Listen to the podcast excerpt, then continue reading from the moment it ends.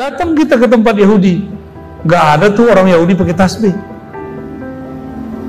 Oh berarti dia ini ada fobia Yahudi, tahu fobia?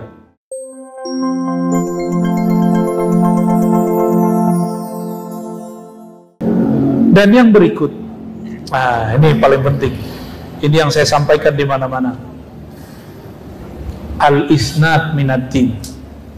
Bersanat, berguru bagian dari agama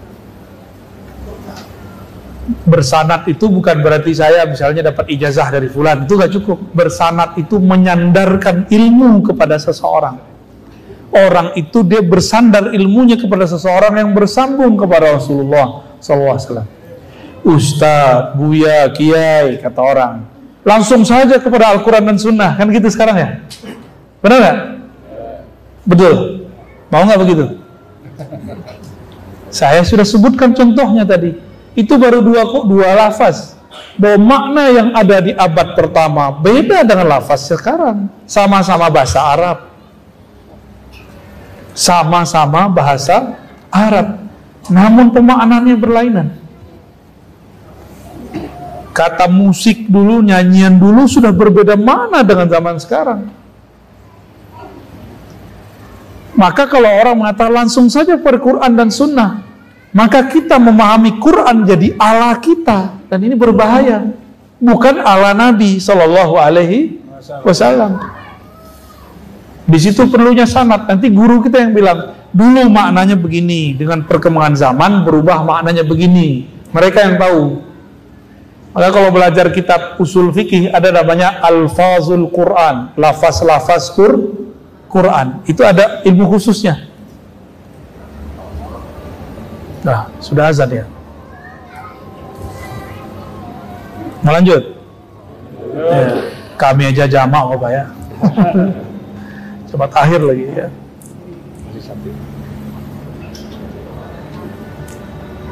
Maka hidupkan sanat ya. Sanat itu tidak hanya di Fatihain. Kalau kita-kita ini bersanat cuma ila hadrati, ila hadrati, ila hadrati, benar ya?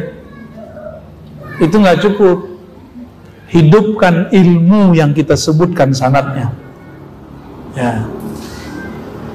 Kami ini jangankan akidah dan ibadah, Pak. Serban aja ada sanatnya. Tasbih, tasbih itu saya pakai sanat. Kan kata orang pakai tasbih sama dengan Hindu Buddha. Yang paling parah tuh bilang tasbih itu Yahudi. Ada tuh ya, ada mursyidnya tuh, mursyid suwe. Apa kata dia? Pakai tasbih, bahasa Arabnya subha. Itu mirip sama Yahudi. Penasaran lah kita. Datang kita ke tempat Yahudi. Gak ada tuh orang Yahudi pakai tasbih. Oh berarti dia ini ada fobia Yahudi. Tahu fobia?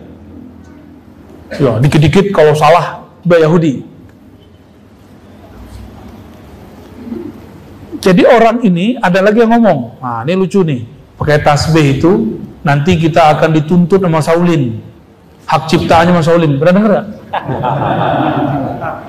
Jadi kalau main-main hak cipta nih, ya, kayaknya dia waktu kecil mudanya, waktu dulu nyantri, bukan gak ngaji kerjanya, kerjanya nonton Saulin, pesantren as-Sauladinya.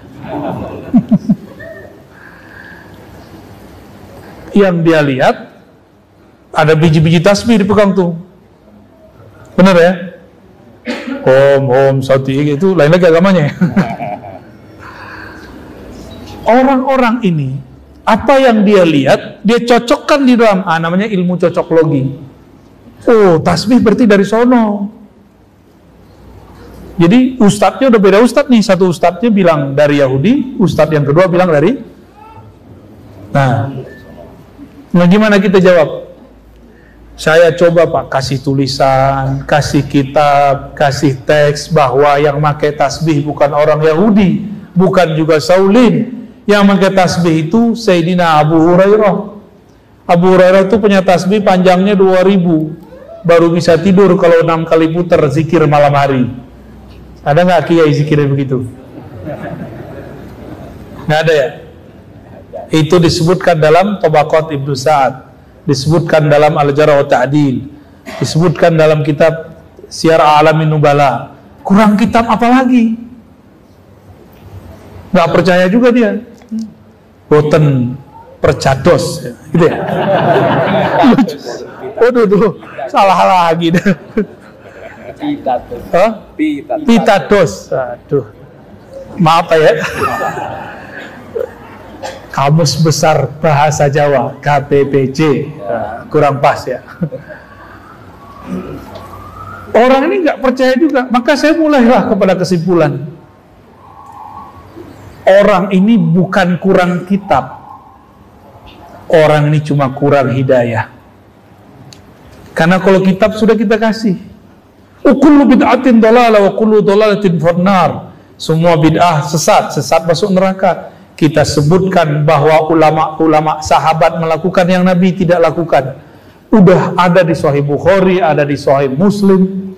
Mereka kan nggak mau ngazanin ayub bayi baru lahir kan? Kayaknya ada dekat-dekat sini nih Pak, majelisnya. Bayi baru lahir dia bilang hadisnya dhaif, maka tidak boleh mengamalkannya. Kaedah dari mana kalau hadis dhaif tidak boleh diamalkan? Justru hadis dhaif itu kalau hadis dhaif boleh diamalkan, boleh tidak diamalkan.